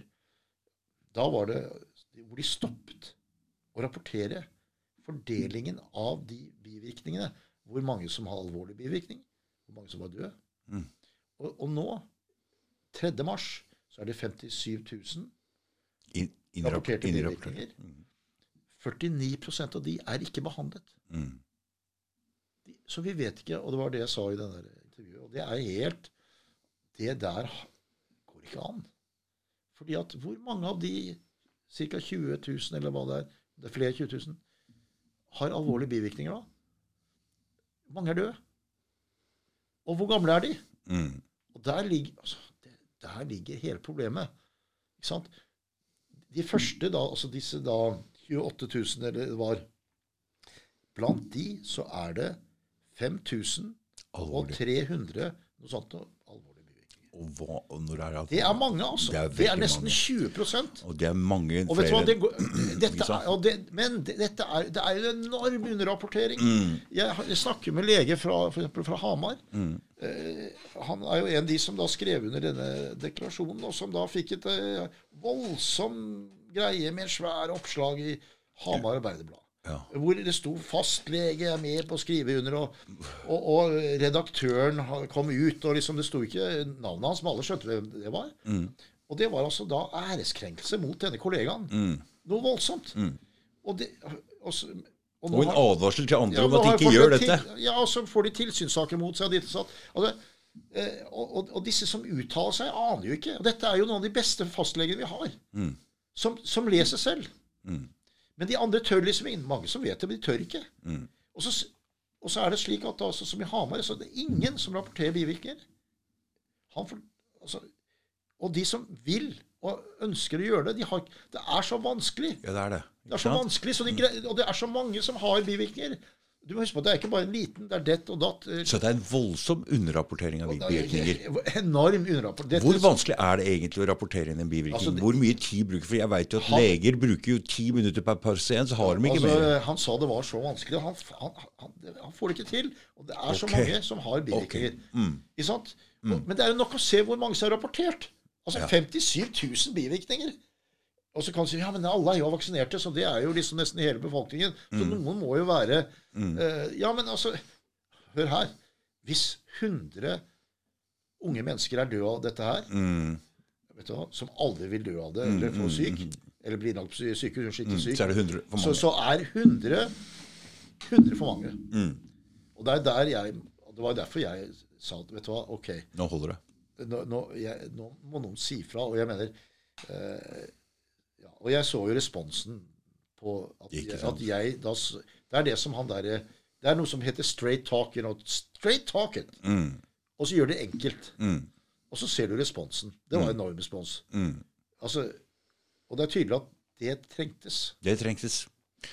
Det er helt men, sikkert. eh, Og nå er det jo hvordan vi skal komme ut av det. Og, og fordi at det, det skjønner ikke jeg, altså. Jeg Nei, for nå sitter jo alle helseministrene nede i WHO og sitter og diskuterer hva, hvordan kan vi gjøre det enda kjappere. Enda få Og så skal de ha et møte igjen i august. altså, det snakkes mye om det der, hvordan WHO skal plutselig være den som kontrollerer oss alle. Men, Ikke sant? men altså, vet du hva? Det, det er, altså, dette har med tillitsforhold i befolkningen Mm. Det, det, de kan, Man kan jo ikke fortsette med noe som da skader og skader. Mm. Til slutt så er jo Folk begynner å si at det, det er noe som ikke stemmer. Men, er det, men det er forferdelig vanskelig å forholde seg til. Mm. Så hvordan skal vi komme ut av dette og forbli venner? Eller mister vi tillit til systemet? Altså, det, det, er, det er en rekke ting nå som er vanskelig, og som ingen snakker om, selvfølgelig. Bare, jo, det er mange som snakker om det, men ikke, i, ikke på denne måten i massemedia. Ikke, ikke sant? Og, og det er jo Så, så det, er, det- er ikke noe hygg. Altså, og nå vil jo alle glemme det, for nå har vi Ukraina. ikke sant? Nå er det jo liksom over, da. Vi switcha fra den ene til den andre. Men nå er tida inne, føler jeg, til å ta det. Ja, Fokus men- er et annet sted. Det er litt mindre press. Vi kan snakke litt mer om det. og Vi må også gå igjennom det som har skjedd. og Vil vi ha det der en gang til? Og vil vi godta det koronapasset? For nå sitter de og planlegger noe, de òg. Altså, hvem vet hva som skjer? Altså, vi vil gjerne at vi tror at våre myndigheter myndigheter vil oss best. Mm. Og jeg, vi er jo ikke i hodet til våre politikere. Vi, vi vet ikke hvordan de tenker. Nei. Men altså, det var jo interessant da at hun eh, Camilla Stoltenberg da, ikke sant? Og det var jo da noen uker etter jeg husker mange uker etter at denne deklarasjonen ble publisert, hvor det står ganske mange ganger at dette er uakseptabelt. Står det? Altså Det er jo en deklarasjon hvor man sier at alle disse tingene er uakseptabelt. ja, ja. Og så, men så kommer da Camilla Stoltenberg på i dag, jeg husker ikke hva Dagbladet VG, på forsiden. Og så sier hun da at ja, um, det er jo ingen det er jo ikke noe egentlig dokumentasjon på noe av disse her tiltakene. Nei. Og så sier hun da dette er jo egentlig uakseptabelt. Hun sier det samme. Ja, hun sier det samme. Hun, jeg sa oi. Men, men fra den kanten har det kommet så mye forskjellige ting. De har jo motsatt seg. Jo, men ikke sant, jeg tenker, ja, men altså, og, altså Vi vet jo ikke hva er det som da diskuteres i, ja, av de ansatte i FHI, i Legemiddelverket og dette her. ikke sant? Jeg mener, Man er ikke blinde mer. Nei. Altså, De, de er vel sånne som snakker om ting akkurat som oss. Mm. Så, så hva er det som skjer? Og hva kommer til å skje? Det er litt opp til oss, tror jeg. Ja, og, og hvordan Så dette er, jo- det er veldig, så nå er det veldig vanskelig. Og det er som du sier hele tiden, vi har kommet til et nytt, noe nytt. Noen, ja. Og det er altså Siden vi satt og så på dette rulle innover oss, som da nå er gått to år, Mm. og så ser vi nå den mobiliseringen, voldsom mobiliseringen av kollegaer, i, spesielt i England, i uh, USA. I Norge så er det ikke så mye. Eh, altså I de nordiske landene har det jo vært eh, altså Av leger som reagerer i, I Sverige har det jo vært det som heter Lekkaroppropet, som da var noen leger som starta det i mai, og nå har de 20 000 signaturer og sånn. Oh, ja. Ja. Og I Finland har de en gruppe som sier 'beskytt barna våre'. Mm.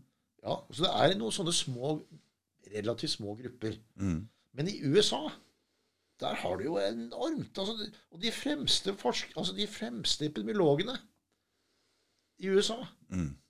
og i, på, på Oxford, da, ikke sant, som sier at det, dette må dere ikke gjøre. Dere må, altså, vi skal bygge flokkimmunitet. Det har vi alltid gjort. Det skal vi gjøre her òg. Mm. Så du må ikke isolere hverandre. Det, er, det, er bare også, det blir jo verre, da. Mm. Så de har gjort det motsatte. Hvor kom det fra? Mm. Hvor kom dette fra? Jo, det kom fra kom faktisk fra og, han eh, Neil Ferguson. Ja. Epidemiologen som driver med modellering. Han er ikke epidemiolog, han er sånn eh, Som da lager sånne eh, figurer og viser hva som ville skje hvis man ikke gjør noen tiltak. Mm. Det er ingen som har kommet med sånn før. Og hva var tiltakene? Det var da skole... Det var lockdown, skolestengning, alle disse tingene. Mm. Sant? Og Det var han som sto bak og slaktet det- det hele kugalskapen nå. Ja, men altså De viste sånn, eh, en sånn slide Mm. på pressekonferanse i Det hvite hus fra han. Mm. Og så viser de da det som de kalte 'flatten the curve'. Ja. Og det var sånn, og så var det sånn. Mm. Og så viste det neste slide var altså alle disse tiltakene. Og det var fordi at de hadde så og så mange intensivplasser i England eh, per 100 000. Det var 600 per 100 000, det var. Så hvis de da ikke gjorde noen ting, så ville alle intensivplassene bli fylt opp av covid-pasienter. Mm. Ingenting. Og så var det hvor mye hvis du da la til en sånn tiltak. Mm. Eh, Så dette var sånn totalt spådommer basert på noen modelleringer. Og denne karen hadde jo vist at han hadde bomma på alt før. Mm. Ja, for det er den kugalskapen han hadde, ikke sant? Du slakta det hele Ja, det- ku... ja, eh, jeg- ikke sant? Var ikke det? Ja, det var også i siste såkalt pandemi.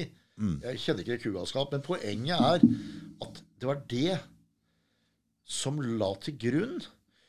Pluss at det var et eller annet noe greier med en eh, intensivlege fra uh, Bergamo eller sånt noe, som da hadde fått lov, også eh, i et møte eh, med disse her i Norge, til å fortelle hvis ikke det skjer noe her, så kommer det til å være så mange tusen dør. Sånn. Altså Det var altså én intensivlege som fikk lov å sitte der og spå noe sånn eh, Armageddon, for å si det på engelsk. Mm. Ikke sant? Men ingen skjønner jo hva som egentlig skjedde, for at det var denne røde knappen. Og det fins jo, det jo ingen Det var noen SMS-er som ble borte, og så var det et, noe som ble skrevet på en tavle. Og det er noen som har tatt bilde av det, som hun Mette Kallager viste det i, når hun holdt foredrag på fredag. Oh, ja. Ikke sant? Det var det. Det var det. Ja, det var det. Og så, basert på dette, så stenger de ned. Mm. Og jeg vet jo hvor mange bedrifter i Norge Mm. som har gått konkurs. I januar var det 220. Og dette er jo små bedrifter, ikke sant? Mm. Én eller to. Og det er ikke ferdig ennå? Nei, så, så, så, de, de kan jo ikke fortsette med dette. Nei. Så, så, det, er, eh, det er en kre, utrolig vanskelig tid, altså. Men, det er, men på annen side så, så er, er det noe som kulminerer nå for å forstå at det er noe som ikke er bra Mm. med systemet. Mm, mm, mm. Sant? Og de konfliktinteressene som, som ligger der, hvor vi ser at det er enorme konfliktinteresser nå Mm. i EU sin Altså Ursula von Leyen, hennes mann, Pfizer. Burla Mm. Altså, det, altså, jeg mener BioNTech, som var totalt finansiert av tyske penger, eh, offentlige penger, som da skulle utvikle dette. Og så hvorfor det er Pfizer, da? Har Pfizer drevet med vaksineutvikling? Nei, det er jo GSK og Sanofil Pasteur og MSD i Amerika. Mm. Og så plutselig er det Johnson Johnson og Pfizer, og så er det AstraZeneca. Og Moderna? Og Moderna var jo et selskap som aldri gjort noe. Nei. Og, og nå har jo aksjene på den gått helt i bunn. Altså det, det, eh, jeg vet ikke De tapte 70 plutselig. Mm. Og det, de har jo ikke noe annet. Så, så de går jo konkurs. Mm. Og så har du Pfizer, som selvfølgelig har masse andre ting også. Men du vet at problemet med farmaindustrien det er at de lever på patenterte medisiner. Mm, mm, Og de varer i så mange år. Og etter det, når den er, patentet er ute, Det er det ikke penger å tjene. ingen penger å tjene, så da må de lage noe nytt. Mm. Og, da, det som, og dette er jo det som da Marcy Angel, som var sjefsredaktør i, i uh, New England Journal of Medicine, sa. Mm. Uh, og hun skrev det i en bok også. Fordi at hun hadde sittet og sett på dette her, hvordan de da de altså tar et molekyl, og så bare lager de De manipulerer litt med det. Mm. Det er noe som heter cis og trans. Der, er, altså, du kan, og så patenterer de det, og så kaller de at dette er det de kaller metoo-drug. Mm. Det er egentlig det samme, Det samme. Men, men de har bare patentert det, og så markedsføres som noe nytt. Mm. Og dette drev de med, har de drevet med hele tiden. Men Mm. problemet er at det er vanskelig å gjøre dette her. Du kan ikke, så de ser at de, Hvor skal de tjene pengene? Jo, de har jo Mm. Snakket om hele tiden at det er å få alle til å få satt vaksiner i, i alle voksne. Mm. For barn har vi allerede gjort det. Alle barn, ikke alle, men Ja, ja, ja. du skjønner? Så der ligger det. Det er et prosjekt, men om det er bare det eller ikke, hvem vet? Ja. Om det er bare det eller ikke, hvem vet. Det, Ja, altså det, ikke sant? For at, ja. eh, Mm. disse sertifikatene, koronapass og alt dette her, Mm. som, som da plutselig har kommet. Og, men vi må jo takke oss at vi er i Norge, da. Mm. For at se hva som skjer på kontinentet. Altså, på, I Østerrike så kan du, du kan bli stoppet av politiet. Mm. Og så, Hvis du ikke har tatt dette her, eh, greia, spr spruta, som vi kaller det i Sverige, Mm. Så skal du vær så god reise hjem, og så får du en bot. Det er helt vilt. Eller gå i gaten. Mm. Det, er, det er Østerrike. Kanskje det endrer seg nå, men eh, og Tyskland er ikke så ille. Men Østerrike er det verste. Altså, i, men det er ganske ille i Italia også. Ja. Og, og se Australia. Australia var helt Og New Zealand er enda verre. Da måtte de flykte. Jeg kjenner en svensk, eh, en svensk psykiater som, som jobbet der og var leder for et, eh, en institusjon der. Han og kona måtte flykte derfra. mm. Rett og slett. Mm. Altså, Det var jo farlig for ikke-vaksinerte. Ja. Ikke-vaksinerte, altså. Mm. Så, så det, er, det, er, det, er, det er crazy, da, Altså. Det er, ja, det er helt, helt vilt. ja. så, men ja. Er du tom, Arkel? Har du fått tømt deg litt? lenge, nå ja, men eh, det er jo Ja. Jeg må jo berømme dere som at dere som podcaster, sånn som han, eh, han Joe Rogan. ja, men Som, eh, Det trengs. Som, som, som har evnen til å gjøre sånt. Og som jeg, dette, eh, dette er jo noe nytt som har kommet. mm. Og, og jeg vet ikke hvor mange som ser på dette her, ja, men, men, men jeg sa, synes det, det er greit å prate om det. For jeg har jo jeg hadde jo villet skrive en bok, Mm. som jeg ikke, men den ligger i maven, og jeg har begynt å skrive. Mm. Så vidt. Og boken heter uh, Defining Moments. A Journey Under the Hippocratic Oath, altså på engelsk. Mm. Det betyr en, Jeg har en karriere som jeg har sett ganske mye greier. Men så har jeg no, hatt noen momenter som har definert For at jeg har fått noen forståelser. Mm. Og det er knyttet til, tilbake til den eden som jeg tok. Mm. Den hippokratiske eden. Og det er jo det som er litt trist. Det er at nå Altså, le, vi, altså det, legestanden viser ikke at de nå må tenke seg om. De må begynne å søke informasjon selv. Mm. Og så er det noe med at når vi begynner å gjøre noe med en frisk befolkning, vi har også ansvar. For dette er jo en intervensjon. Dette er en intervensjon. Mm. Så det er to ting. Det er den eden, og så er det det som er våre medisinsk-etiske retningslinjer. Og unnskyld, altså, Legeforeningen, hvor er den, da? Den er jo helt borte. De er jo bare med på å pushe vaksine, og de hjelper de noen av de som blir utsatt, som jeg kaller overgrep, av våre kollegaer. Som nå ikke sant, får tilsynssaker mot seg fordi at de har turt å si noe. Eller, eller altså, altså Jeg må si til alle at må ikke ta mer av dette. Som jeg sa, som lege. Det er min plikt nå. Mm. Det er din plikt nå. Ikke ta Og du kan si ok, hvis ikke du har lest og ikke forstår det helt, så, men da har du plikt Du har jo en egentlig plikt til å holde deg oppdatert hva som skjer. Mener jeg. Og men det, men altså der er det jo et generelt problem at eh, vi søker jo ikke den uavhengige informasjonen. Mm. Og mye av forskningen er jo totalt dominert av en slags fortelling som da er laget av de som skal selge det. Det har vært en utrolig sensurering på alt mulig. Ja, nå er det, altså, nå er det sånn eh, sens, slags sensur, ja, ikke sant? Som er helt merkelig. Altså, som er jo helt Og, og jeg, man må jo være stolt da, hvis man har blitt uh, tatt av YouTube, som da dette har blitt tatt av. Ja. Uh, fordi at jeg er da i, sammen med noen av de fremste epidemiologene i verden. Mm. Eh, Fordi at det ble, De har også tatt av. Ja. Jay Bhattacharya for et år siden hadde da en greie sammen med DeSantos. Og den er blitt deplatformed, altså tatt bort fra YouTube. Mm. Tenk på det. Og dette er greit. Vi får se hva som skjer med dette. Det blir spennende. Ja, ja. Nei, så, Det er alltid spennende. ja. Sånn er det. Hei, tusen takk for at du kom, Torkel. Det var kjempeinteressant. Og takk for at du, takk for at du står fram. Det hjelper. Ja, altså Det, det har bare blitt sånn. Men, eh, men jeg, jeg håper virkelig at, at det, vi kommer ut av det, og at det, noe bedre kommer. At vi har lært. Altså, at vi alle har lært av det. For min siste er at politikerne også Mm.